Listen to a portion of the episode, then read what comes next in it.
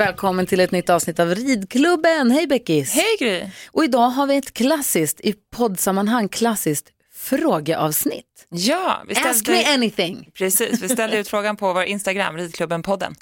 Och där har det ju rasat in frågor. Har du gjort det? Ja, men sen har jag ju också avslöjat lite att jag har stor, stora planer för mig själv och andra framöver. Ja, men verkligen, ska vi börja med det eller hur, vilken ordning ska vi ta det här nu? Det, så, det som man skulle kunna passa på att berätta om det är så att vi har eventuellt nytillkomna lyssnare. Ja, Så kan vi bara berätta att du och jag har jobbat tillsammans sedan 2010, ja men 2011, typ. Ja, 2010, innan 11 absolut. ja exakt. På nu. Ja, Tidigare till och med. Ja, ja. Länge ja, på Mix Megapol, exakt. Där, där vi kallar dig växelhäxan. Ja, Vi har bytt nu till växelkexet. ja. Eh, och, så vi hänger varje morgon på radion och sen så, och så förstod vi båda att båda var hästmänniskor. Och så började vi prata lite om det och sen så har det då genom åren vuxit fram att vi då har häst tillsammans. ja, Och så startade vi den här podden, i och med att det ligger nära till hands med att vi jobbar med radio. ja precis. Så sa att det är som ett rent hobbyprojekt, eller, för att det, eller snarare så här, för att det är bara för att vi vill lära oss mer. För ju bättre man blir och ju mer man kan, desto mer, mindre kan man ju hela tiden. Det är som att det bara blir svårare ju mer man lär sig. Ja, och så tänkte jag det är också perfekt att vi kan dela med oss till andra kanske av det vi lär oss, så vill man ju också dela med sig av det. Jaha, vi har ju haft eh, den stora ynnesten att få träffa liksom många av de absolut bästa inom sporten, både ryttare och tränare och veterinärer och hovslagare. Det finns massa avsnitt bakåt, så det är bara att gå tillbaka och lyssna på gamla avsnitt om ni vill. Ja, det Ja, brukar jag också göra ibland. det är härligt. Ja, det tycker jag också. Oh, gud, jag köpte en bok häromdagen, satt på jobbet under sändning på radion. Jaha.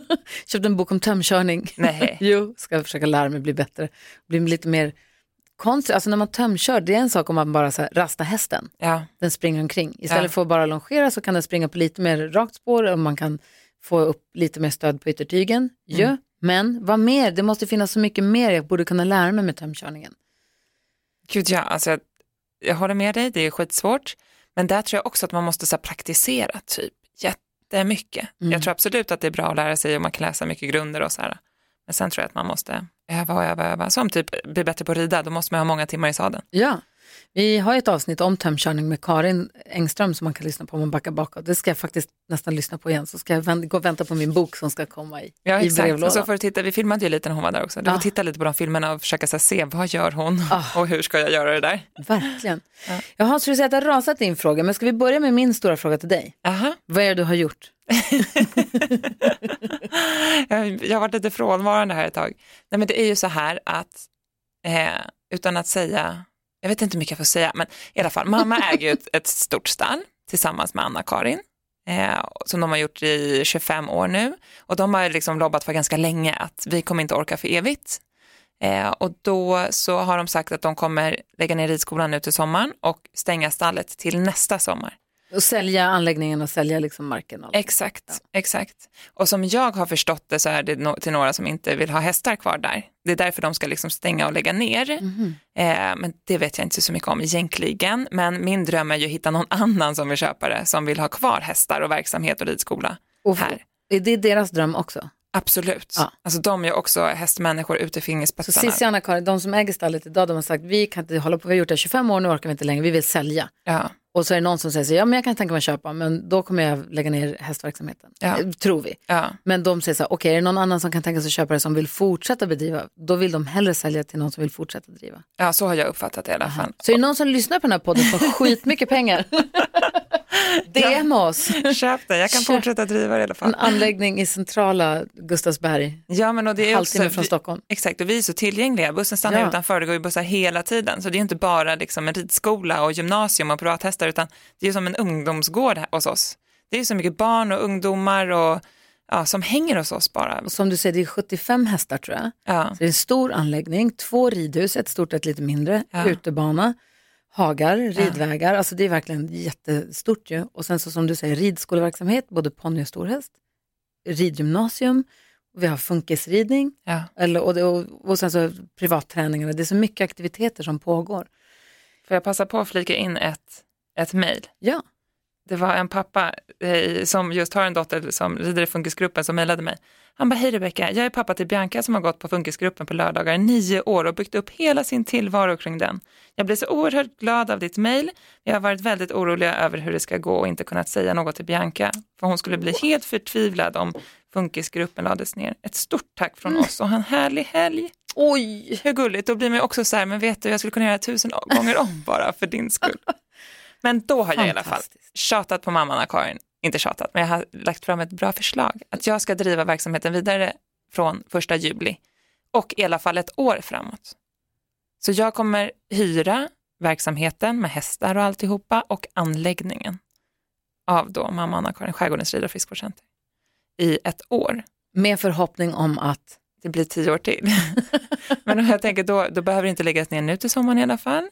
Och det här ger ju mig och dig och alla oss andra lite mer tid att jobba mot kommunen och kanske andra privata aktörer som kan tänka sig att köpa anläggningen och vilja ha kvar hästar. för det är, om jag förstått det rätt så är det så att om det kommer någon privatperson som säger men jag kan tänka mig att köpa, investera i den här marken Ja. och så får du fortsätta driva verksamheten kanske. Om ja, den alltså, de det. kan ju också välja vem som helst såklart, men jag gör det ju gärna och Ja. jag ska ju få göra det nu ett år i alla fall och jag är jätte, alltså väldigt glad och hedrad och stolt över att mamma Anna-Karin vågar låta mig göra det här själv. Men kommunen då.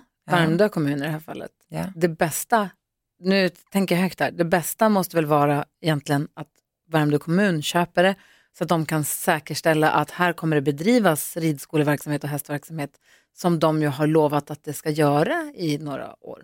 Exakt. Eller hur? För de har ju sagt någonstans i något löfte någonstans eller detaljplan eller vad det är, Ja, att här, här, den här marken, här ska det vara hästverksamhet. exakt. Och det är svårt för dem att lova om det är någon annan som köper marken som inte vill göra det. Verkligen. Men om Verkligen. kommunen köper det, då kan de se till att de håller vad de har lovat. Ja, jag tänker där måste man också jobba hårt mot kommunen och försöka få dem att förstå att det är en investering. Liksom. Det, är Ja. inte bara, det är inte bara en ridskola, det är så mycket mer än det och för så himla många. Liksom. Och även att vi ligger så centralt, det är kanske inte ultimat, men det finns ju många ridskolor runt om i Stockholm som ligger centralt. Där får man ändå bara försöka jobba det- så hårt man kan för hästarnas väl. Och det är väl också ultimat att det ligger centralt så att folk kan ta sig dit. Bussen går dit, massa barn och ungdomar kan ta sig till Exakt. den här ridskolan jämfört med, det finns en till ridskola som ligger längre ut på Värmdö då, som ligger en halvtimme till bort som är svår att ta sig till. Ja. Ja, men precis. Och vi har ju ändå okej med hagar och hästarna går i flock och sådär. Så man får jobba på hästvälfärden så mycket man kan efter de förutsättningarna man har. Eh, men där vill man ju verkligen få kommunen att förstå att det är en investering de gör. Mm. Eh, för som du säger, om det är någon privat aktör som köper det, då de kanske bedriver verksamhet med, med tio elever i veckan. Mm. När man kanske kan ha mellan så här 300 och 600 elever i veckan. Och också en investering i hälsa, Gud ja. både psykisk och fysisk hälsa. För som du säger, det är en ung, ungdomsgård, låter så flöjtigt, det är en ungdomsgård, en uppstyrd ungdomsgård som ju stall är. ja, Att det är folk som, vi pratar med lilla Esmeralda som rider, ja, vad kan hon vara, nio år. ja. Eh, hon är där, hon rider en gång två gånger i veckan, hon är där sju dagar i veckan. Alltså, så, det finns ju många som hon. exakt. Och också om det är så att ridskolan skulle läggas ner, då hade, om man nu fortsätter ta Esmeralda som Ja. exempel, hennes mamma hade ju kollat med den andra ridskolan som ligger, Ja, de är En halvtimme, runt timme bort. i alla ridskolor, typ en timmes resväg runt omkring oss. och då var beskedet att tio års väntetid. Ja, Det är ingen idé att den ställer på kö, hon kommer vara 18 innan hon kanske får plats. ja Och det är ju bedrövligt. Alltså, Det är verkligen. det är bedrövligt. Ja, och det är främst därför jag vill fortsätta bedriva ridskolan känns viktigast. Alltså just för att de som rider hos oss ska kunna fortsätta rida hos oss, i alla fall ett år till. Och då, så då ska du Så hoppas vara, jag. ta, säga upp det från radion och jobba Ja. bara med det här. Alltså, Jag ja, tog en tråkig vändning. ja, nej. jag börjar ta tjänstledigt, eller jag har ansökt om tjänstledighet ifrån radion. Och så har jag, håller jag på att starta mitt bolag. Ehm, och det är bara mycket, med- alltså det är som korvstoppning i mitt huvud just nu med SNI-koder och men så här, man ska ju ansöka om massa tillstånd och ja, du vet, vi ska personal, jag ska ju liksom vara chef nu helt plötsligt, hur gör man det? Eh, och ha ansvar för massa hästar och Men det kanske också blir en super eh, nytändning för stallet också. Men som du säger, Cissi och Anna-Karin har ju drivit den här ridskolan i 25 år. ja, Det kanske också, och du och Cissi känner ju varandra. ja, det är min mamma. Så du får hjälp kanske av henne med en del saker. Du har ju vuxit upp i det där stallet så du vet ju hur det funkar men ändå att det blir en ny grej. Ja, exakt. Ja, men jag hoppas det. Jag tror att jag kanske kommer in med lite nytänk och ny energi. Sen är det lyxigt för mig att jag får ta över något som faktiskt redan funkar. Mm. När mamma Anna-Karin och Ninni startade det för 25 år sedan, då flyttade ju de in i en tom anläggning med nya hästar. Alltså de började ju om från noll. Mm. Det känns ju skitläskigt. Ja. Så jag får ju ändå liksom kunder och hästar, alltså jag får ju så mycket gratis. Vad spännande, vilket nytt kapitel i livet. Jag vet, det känns jättekul. Jättepirrigt också såklart, men på ett bra sätt. Jag tror att det ska vara lite pirrigt så att man tar det på allvar. Liksom. Ja. Ehm, Gud, men det, känns, roligt. nej, men det känns jätte, jätte, jättekul. Och eh, jag kommer, alltså, alla är ju jätteglada såklart, för att vilket besked som helst, förutom att det ska läggas ner, känns ju som ett bra besked. Men så alla är otroligt peppiga och snälla och stöttande och att jag ska ringa om jag behöver hjälp och sånt. Så jag får se, nu när det har snöat så här mycket i Stockholm, då har jag ju tänkt så här, herregud, vad har jag gett mig in på? Men det ska nog gå bra. Jag ska köpa mig en traktor. Ah, jag vill så gärna ha en traktor. För den traktorn som finns är lite skruttig. va? Ja, den är, jag vill ha en skopa. en skopa eller en plog? Eh, både och. Ja. Jag ska kunna skopa och ploga och harva och vattna och jag ska kunna göra så mycket saker med min traktor. Kommer jag få låna traktorn? Kanske. Jag måste köpa en egen. Men om du köper den så lånar jag din. Vad heter det? Men- Och du har haft en liten ridpaus också, sjuka barn och ditten och datten. Men Ja. nu är du tillbaka i hästsadeln, hur känns det? Du hoppade häromdagen. Ja, jo, men jag var med på lite markarbete för Haking. Det kändes bra, det var kul. Hon Ja. känns jättefin Salsa, hon känns glad och så. Jag ska försöka rida Kalessi här någonting också. Eh, mamma har ridit igång henne, hon ser också jättefin ut. Kalicia, Ja, hon, jag såg henne också rida i ridhuset häromdagen och bara Ja. så wow, vad hände där? ja, Fin hals och fin galopp och såg jättemysig ut. ja. Nej, men så det jag har jag inte sett verkligen. henne liksom röra på sig. Du longerade henne häromdagen också såg jag. Såg Ja, det var också, då kom ju du in och hon hade lekt rodeo klar i fem minuter. Det är, sånt där vill man inte se när de gör sådär. Nej. För då tänker man så här, det där, jag överlever inte om Nej. jag sitter på när hon gör sådär. För det känner jag med salsa. Ja. Hon, jag tycker hon är, jag älskar henne. Ja. Jag tycker hon, är, hon är så härlig. Ja, Men någon gång när jag har longerat henne så får hon fnatt. ja. Och bara så här, kan hon göra så? Det vill jag inte veta. Nej, Det här var inte, all- har hon det där i sig? Sen så nästa gång man longerar så är hon hur lugn som helst. Jag vet inte hur hon väljer det där. Nej, men också Salsas fnatt, det är en tiondel av Kalessis Aha, okej. fnatt kan jag säga. Salsas fnatt är jag inte ett dugg orolig över. Och hur går det med Kingston, fölet? Unghästen, hur gammal är han? Han är två nu, vilket Oh. också är helt sjukt. Men han är två, så de eh, löshoppade honom här för första gången för några veckor sedan. Hur gick det? Då fick jag smset att i början så undrade vi om du hade fått upp en travare, det var det han gjorde bäst. Jag bara, ja, Nej. perfekt. Nej, men han har ju inte gjort så mycket. Han gjorde ju sig illa förra sommaren när han var spetsad där mellan frambenen. Eh, så då stod han ju på box ett tag och sen så eh, har han ju bara gått på lösdrift med sina kompisar. Ja. Så vi har inte gjort så mycket med honom, så det här var första gången han typ var i ridhuset och såg bommar och sånt. Så hon sa det, vi kommer göra det lite mer regelbundet nu och då kanske han kommer förstå vad han ska, alltså det går inte heller att de ska fatta på en gång. Så här, så här gör vi när vi löshoppar, varsågod. Han bara, jag vet inte, ska jag springa? Jag vill löshoppa Nickis D-ponny. Det har Ja. jag aldrig gjort. Nej. Det tycker jag skulle vara roligt att göra. Det är rätt roligt. Jag tycker att det är kul överlag att ha dem lösa i ridhuset för att se hur de beter sig och Mm. hur de är uppmärksamma på en och lite så här. Eh, nej men så det går bra och så ska John Rickett som vi hade en podd med här för ett tag sedan, han ska komma och jobba med honom här två gånger i april. Ah, Eh, lite, för att han ska ridas in i höst, eller sittas in, eller vad man ska säga. Eh, så då skulle han ändå komma till den ridskolan där han står. Så då, det är också konstigt att han står på en ridskola. Men de har faktiskt uppfödning och ridskola, vilket är kul. ja, stora skogshagar och Ah. stora marker och ute lösdrifter och sånt. Exakt. Det är jättemysigt där och de är också superskickliga och har gjort det här så länge så att jag litar verkligen på dem. Vilket också är skönt eftersom att jag inte kan vara där själv så mycket. Gud vad bra. Ja, så får vi se lite hur han tar sig och hur han verkar. Han var ju så himla rädd när han var liten men nu Ja. känns han mycket coolare och socialare liksom. Gud vad härligt. Ett poddtips från Podplay. I fallen jag aldrig glömmer djupdyker Hasse Aro i arbetet bakom några av Sveriges mest uppseendeväckande brottsutredningar. Går vi in med hemlig telefonavlyssning och, och då upplever vi att vi får en total förändring av hans beteende. Vad är det som händer nu? Vem är det som läcker? Och så säger han att jag är kriminell, jag har varit kriminell i hela mitt liv men att mörda ett barn, där går min gräns. Nya säsongen av Fallen jag aldrig glömmer på Podplay.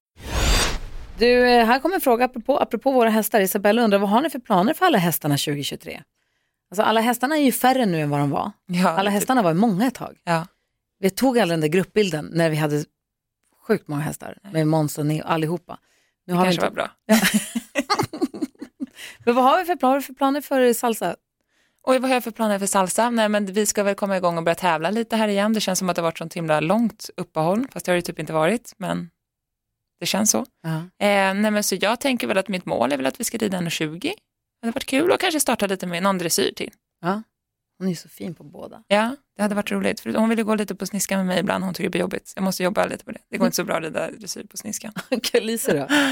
Och Kalisi, hon är ju egentligen bara inhoppad. Alltså jag har skuttat över små hinder och hon hoppar ju ibland ett 30 centimeters hinder som att det är 1,30 och ibland galopperar hon igenom det. Så hon är lite oberäknelig. Så jag tänker att jag måste komma igång och hoppa lite mer och kanske ut på någon pay and jump här innan sommaren. Eh, och sen kanske starta henne lite till hösten. Och jag är ju mest ponnymamma så att eh, Nickis mål, det blir mitt mål, Ja. mitt mål med ridningen är att Nicky ska hoppa lätt A. Ja. Hon vill debutera, hon skulle ha hoppat en lätt B plus för några veckor sedan men då hade Milan lite tjocka bakben. Inget sår, ingen mugg, ingenting, bara lite tjocka bakben och jag hade precis börjat ge lite protein. Lite för, jag tror jag gav lite, smög Foder, inte in. tänker du då? Ja, proteinfoder, Ja, precis. Ja. ja, exakt. Jag smög inte in det tillräckligt försiktigt tror jag. Nej. Så jag tror att det var maten han reagerade på. Eller om det är något han har ätit i hagen, jag vet inte. Exakt, för det töade ju där också en sväng. Ja, så det kan ha varit det också. Ja. Men jag ringde och pratade med hans förra ägare och frågade om han brukar bli så på våren, men det brukade han inte. Så att det var bara, men det var typ tre dagar bara. Ja. Så att, och det gick ner när vi gick med honom och så, där, så att nu, och nu är han helt fin. Men då sket sig den tävlingen i alla fall. ja, men jag förstår. Så hon ska starta 01 B till och sen så har hon anmält sig till sin första lätt A. Får vi se. Gud vad spännande. Jättespännande. Man måste också prova. Ja, Alltså, det blir inte som man har tänkt sig, då får man ju gå tillbaka och så träna lite till. och därför har vi anmält till en lätt B dagen efter. Perfekt. så att man kan hämta upp. Så det blir spännande. Sen Ja. så vet jag inte riktigt. Nicky red ju den här, eh, hon red ju, hon kvalade ju in till eh, Agria Pony Trophy. Nej, den hette något annat. Ja, det är på Elmia, Exakt. Jönköping Horse Show. Ja, Mm. vad hette den då? Inte Agria, ja Eh. skitsamma. Ja. Den vill hon gärna rida igen. Ja. Men jag vet inte riktigt om det har kommit ut än, hur, Nej. hur den här kvalen går till. Jag såg att Lisen la upp något att de är på att planera Jönköping häromdagen, Ja, så bra. det är säkert i startgroparna. Perfekt. Ja. Så det hoppas vi på. Ja. Eh, Vi har en eh, fråga från Linda som undrar vad ska man åka på första ponnytävlingen på bortaplan i Stockholm? Nu vet man inte vad som är bortaplan för Linda då. Nej, Men om man ska åka på ponnytävling i Stockholm, gud det här borde jag ju kunna svara på. ja. Täby tycker jag har fin, när man tävlar ute, i alla fall där vi tävlat ute, då har de framhoppningen in i ett ridhus, nej framridning i ett ridhus, framhoppning bredvid utebanan och sen så en bra utebana tycker jag. ja. Det tyckte jag var trevligt där. Mm. Ehm, jag tycker också, jo, Botkyrka. Mm. Nej, inte Botkyrka, den andra.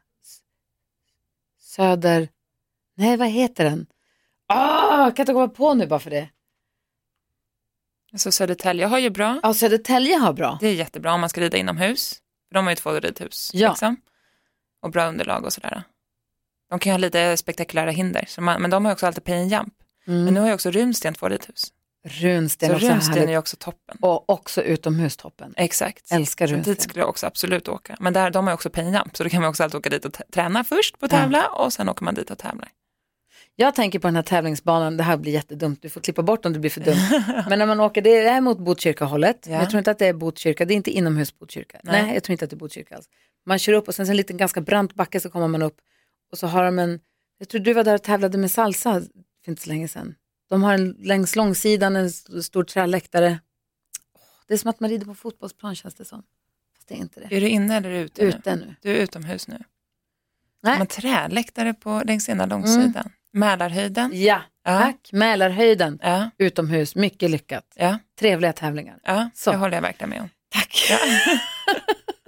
Svårt att svara på det, men det är några tips i alla fall. Ja. Eh, Mallan frågar hur mycket saknar ni Neo Måns? Det är Mallan som har Neo Måns. Ja, Svaret är exakt. jättemycket. ja, jättemycket. Jag tittar så mycket på filmer när de hoppar med Neo. Jag bara tänker så jag kommer aldrig någonsin få en häst som jag känner mig sådär trygg på.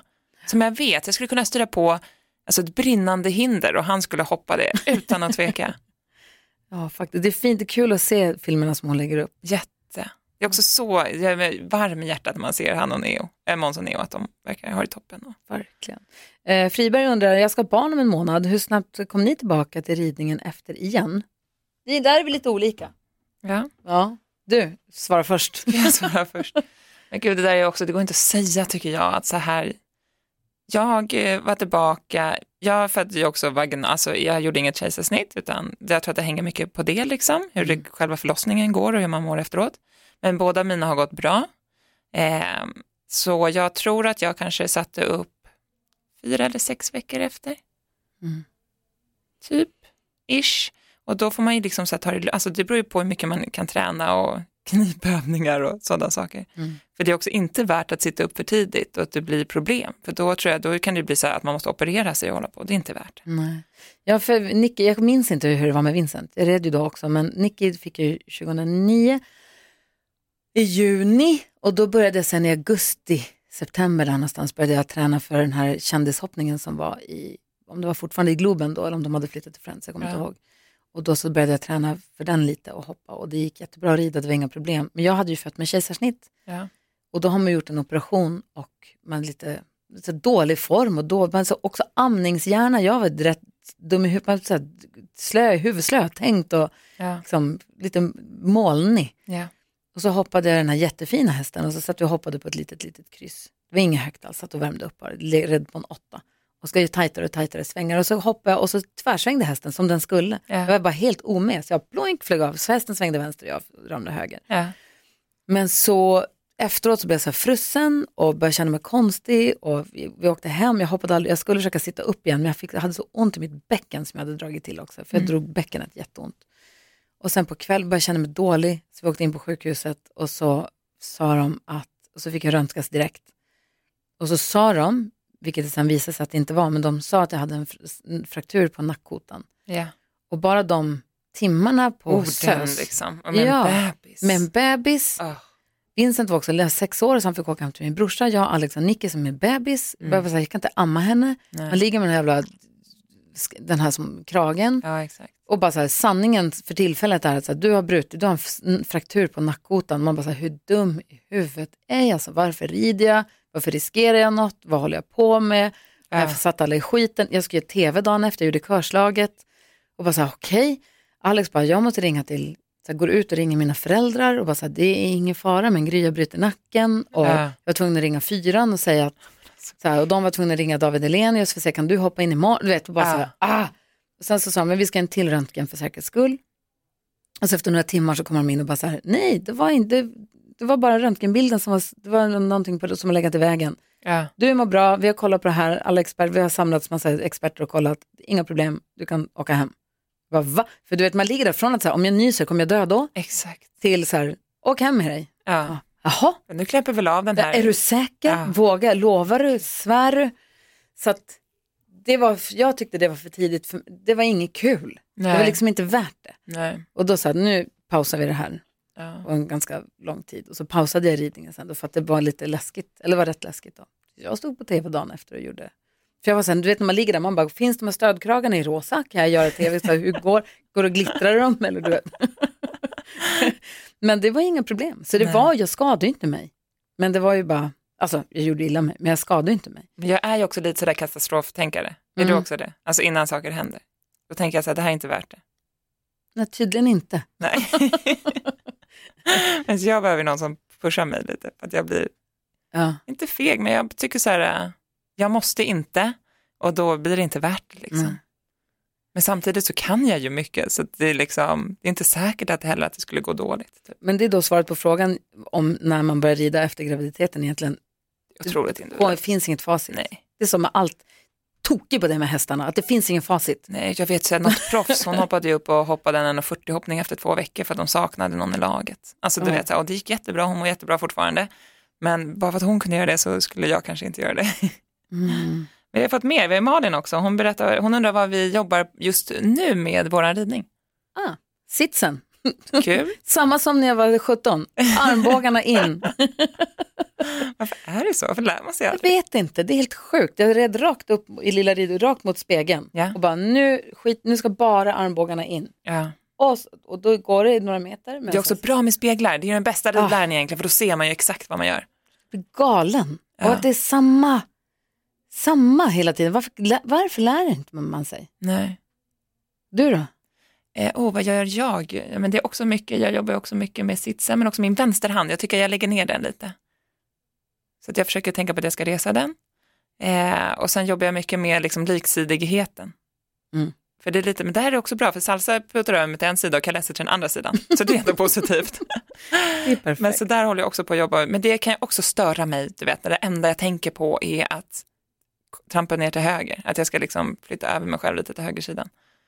Då blir det också bara det enda man tänker på hela ridpasset. Liksom. Störigt när man sitter och rider en diagonal sidvärts och så helt plötsligt känner man så här, nu sitter jag som en parentes till höger, jag sitter som en krok. Ja. Varför? Alltså, men varför? det gör jag nog inte. Jag är nog ganska, för så är det ofta typ när jag satt och rider för Ninni, hon bara det är svårt att se på dig om du liksom har vikten mer åt något håll för att jag är ganska så här i min överkropp, Ja. väldigt rak och still liksom. Men jag behöver också typ sladd, jag skulle behöva påsa till mig lite. Jag sitter för liksom strikt, typ lite för spänt nästan. Mm. Jag behöver så här, guppa med lite. Flöjta runt lite. Exakt. Poddtips från Podplay. I podden Något Kaiko garanterar östgötarna Brutti och jag, Davva, dig en stor dos skratt. Där följer jag pladask för köttätandet igen. Man är lite som en jävla vampyr. Man har fått lite blodsmak och då måste man ha mer. Udda spaningar, fängslande anekdoter och en och annan arg rant.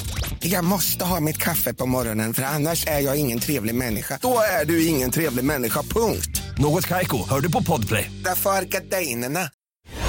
Vi har en här som frågar hur vi tänker nu när spån och spånpellets har blivit så mycket dyrare. Du som har blivit ridskoledirektör nu, Phew, har ni bytt strö? direkt. har ni bytt strö frågan?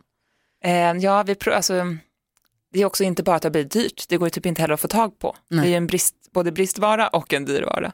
Så vi, eh, eh, de som vi har eh, som leverantörer har varit otroligt bjussiga liksom och eh, sett till att vi får strö. Sen har ju det ibland då blivit torv, torvmix där det är torv och spån eh, och spånpellets så att vi har alltså fått varva lite. Men nu har- fick vi ett parti bara spånpellets. Men alltså man mockar ju mycket, mycket, mycket mer noggrant och slänger inte ut rent spån. Det är som guld liksom. Mhm. Alltså varenda sån här ren liten spångrej, jag ser folk, jag bara det där är typ en 10 kronor. jag vill så här kasta tillbaka den in i boxen. Och så här, hästarna kommer inte dö. Alltså hästarna dör inte av att det är pyttelite blött kvar i botten Nej. eller att det är, alltså, eller att det är mörkt Nej. i boxen. Alltså, att färgen är mörk, det är bara att det är exakt. tråkigt för ögat. Exakt. så här, när man har haft torvmix en stund och så drar man in så kommer det lite spånpellets. Ja. Det är som en liten fest. Jag vet. Nej, så det är ju, ja. Men jag tror också att det här är bra, för jag tror att ibland så är vi lite för överdrivna. Lite det här konsumtionssamhället, du vet, att man nästan mockar med fingrarna och att det ska vara så perfekt och det ska vara fluff och det ska vara Men det är inte människor som ska sova där. Nej, men då är det klart att hästarna ska ha det rent och bra, alltså de ska ju inte Ja. må dåligt. Men någonstans så måste man ju, det är hästar och hästarna mår bäst av vissa saker och det måste också funka ekonomiskt. Och det är också inte bara dyrt att köpa in spån, det är också asdyrt att tömma gödselstacken. Mm. Som också blir full om man slänger ut massa rent där, det är skitonödigt. Vi har en fråga här som var, vad är planen framåt med Mooney, Nicky C-ponny. Uh, Mooney hon bo- bor i Skåne och uh, rehabbar och går hos en osteopat och får massage, stretch, nålar, behandling. Allt fullt fokus på att hon ska kunna få, kanske få ett litet föl. Ja, så spännande ju. Alltså, om hon får det då kommer jag gråta. Ja, verkar de fortfarande må toppen eller? Ja, Ja. det sista jag hörde i alla fall. Ja. Mm. Emelie undrar hur vi arbetar för att lägga vikten, eh, hur vi arbetar hästarna för att lägga vikten mer på bakbenen. Det får du svara på. Ja, just det. Det där håller jag också på med nu jättemycket. Alltså Neo var ju lite så han är ju väldigt mycket i fram, han har ju väldigt långa bakben och korta framben så han gick ju liksom i nedförsbacke. Så han fick man ju verkligen jobba mycket på, vinkla sina bakben och ta vikten på dem. Eh, det är också för att de ska vara hållbara för de har ju redan mycket mer vikt på sina framben och de, de då också går i nedförsbacke så blir det ju ännu mer och vi sätter oss på dem, då blir det ännu mer. Liksom. Eh, och Salsa har varit lite sådär nu tycker jag också, att hon går alldeles för mycket i nedförsbacke. Och det betyder ju inte att hon behöver upp med huvudet, utan jag vill mer att hon ska upp med bogen. Liksom. Manken vill jag ska komma upp typ.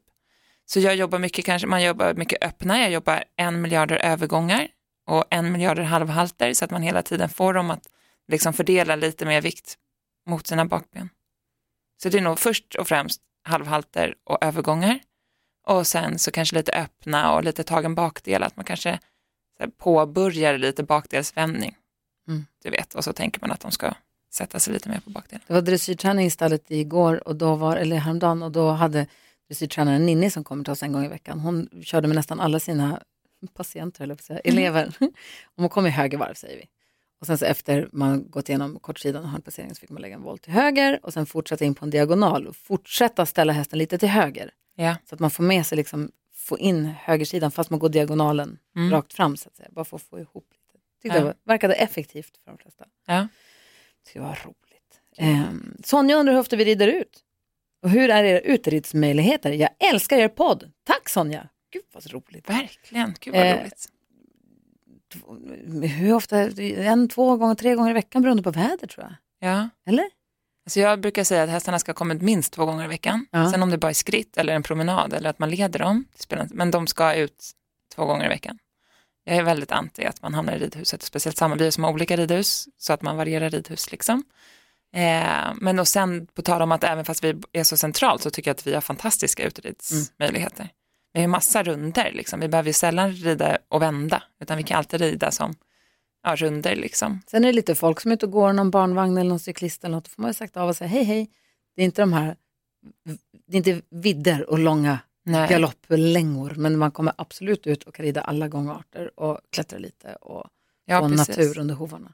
Så finns det ju lite sträckor där man kan rida fram och tillbaka om man behöver galoppera lite mer. Ja. Liksom. Men jag brukar tänka att det är bra att träna på övergångarna när man möter folk. Att man gör det seriöst, alltså ordentligt, så att man liksom gör en ordentlig övergång så att det inte bara blir att man drar i tygen. Liksom. Ja. Ehm, och det är också bra, för att i ridhuset då tycker jag ofta att alltså, man gör det när det känns bra. Du vet, gör en övergång till trav, då gör man ju den när det passar och det känns bra. Så där har vi också tränat mycket på att så här, vid B ska det vara en övergång. Så att man måste göra en övergång där och inte när det känns bra och passar. Liksom. Och det tycker jag också är bra utomhus då, för då möter man en barnvagn, då måste man göra övergången där, det går liksom inte att göra det när den har passerat. Mm. Eh, Chili con Carne, kul namn, undrar hur ser Gry på rollen som ponnymamma? Vad är lätt och vad är svårt? Eh, Hur jag ser på rollen, det vet jag inte. Men vad som är lätt är att det är kul. Ja. Det är roligt för att... Är det också- alltid kul? Nej, Nej. men ofta. men det, det är väldigt, väldigt roligt att ha en hobby ihop med sitt barn. Ja, Alltså att jag märker att jag och Nicky har en otroligt liksom, nära relation och bra kontakt. Och att ha en hobby ihop med sitt barn är superroligt.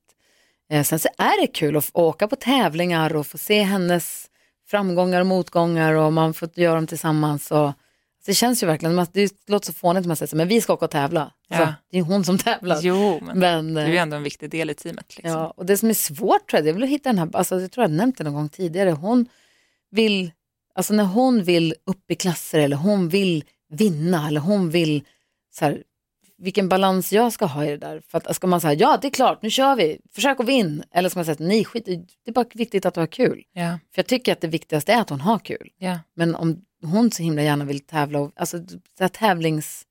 Nivån av peppa henne tävlings... utan att pusha henne typ. Exakt. Ja. Och jag vill inte heller hålla henne tillbaka. Om Nej, hon exakt. vill tävla och hon vill vinna hon vill rida någon kupp, ja men gör det då. Men du måste inte för min skull. Nej. Utan gör det om du tycker det är kul. Men då, så det är väl den balansgången som jag kan tycka är lite svår. Ja. Men annars tycker jag det är skitmysigt. Jag ser fram emot nu. Våren kommer, vi ska sova i bussen. ja, mysigt. Det är installerat kupévärmare som Ja. man kan.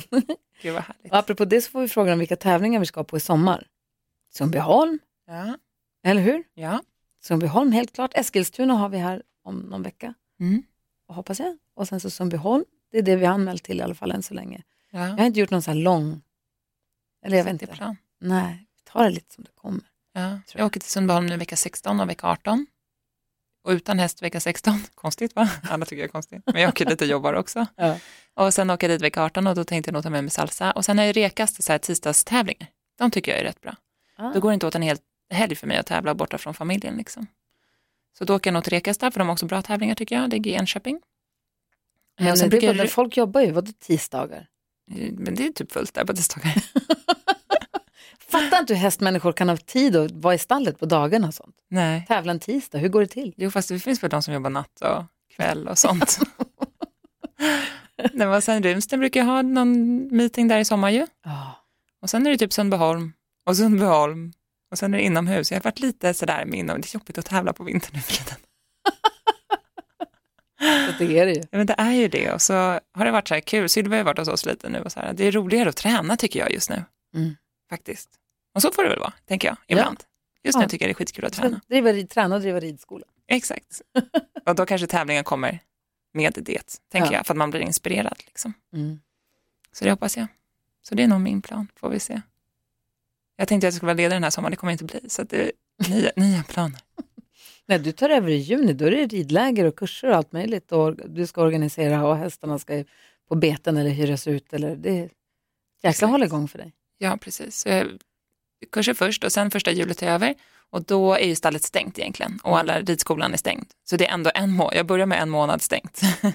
Men det är rätt lagom, alltså hästarna ska ju ändå ut på bete som du säger, de, det är säkert någon som kommer göra sig illa som behöver stallas upp och man måste ju vattna, alltså ta hand om dem varje dag ändå. Eh, och sen så för, i början på augusti då, så drar det igång med sig igångsättningsvecka och kurs. Och sen drar terminen igång. Gud är vad det ju spännande. Typ allvar liksom. Så spännande. Det ska bli kul att följa det här. Ja, men det ska bli jättekul, men också lite läskigt. Jag skrev ut idag att jag söker lite nya hästkompisar till min verksamhet. Ponnys. Det är ponnys eller storhästar. Snälla, trygga individer som ska vara grundutbildade. Liksom. De behöver inte vara väl, men grundutbildade så man kan sitta upp och rida dem på en gång. Mm. Ehm, så om det är någon som vet någon så hör av er. Ja, Jag lovar dem DM oss. gott hem. Ridklubben-podden heter Instagramkontot, så kan ni DMa där. Det är också läskigt att jag ska göra det här nu. Det är jag som ska ta beslutet. Så kul. Ja, det ska bli skitkul. Jag hakar på att kolla hästar. Jag älskar att kolla hästar. Ja, men perfekt. Jag kan behöva fler ögon. Hör du, eh, säg till dig som lyssnar, tack för att du lyssnar på podden. Vi tycker det är jättekul. Och vi Det fortsätter, eller hur? Ja, gud, ja, nu börjar ett helt nytt kapitel här för mig. Så jag tänker också, har man tips och råd och Ja. så här, hur jag ska göra det här på bästa sätt så är jag väldigt öppen för förslag. Ja, har ni, har ni idéer om hur en ridskola ska bedrivas eller verksamhet, så, eller tips, eller som du säger. Ja, men jag är också uppvuxen här. Det här är mitt facit. Ja. Så jag tänkte jag ska åka ut på lite, liksom, titta lite hur andra ridskolor gör. Eh, och har ni så här, det här är min ridskola och det tycker jag är toppen, så får ni gärna dela med. Ja, får åka på studieresa. Ja, det ska bli Kul. så roligt. Hörni, tack för att ni lyssnade idag då. Hej då! Hej då!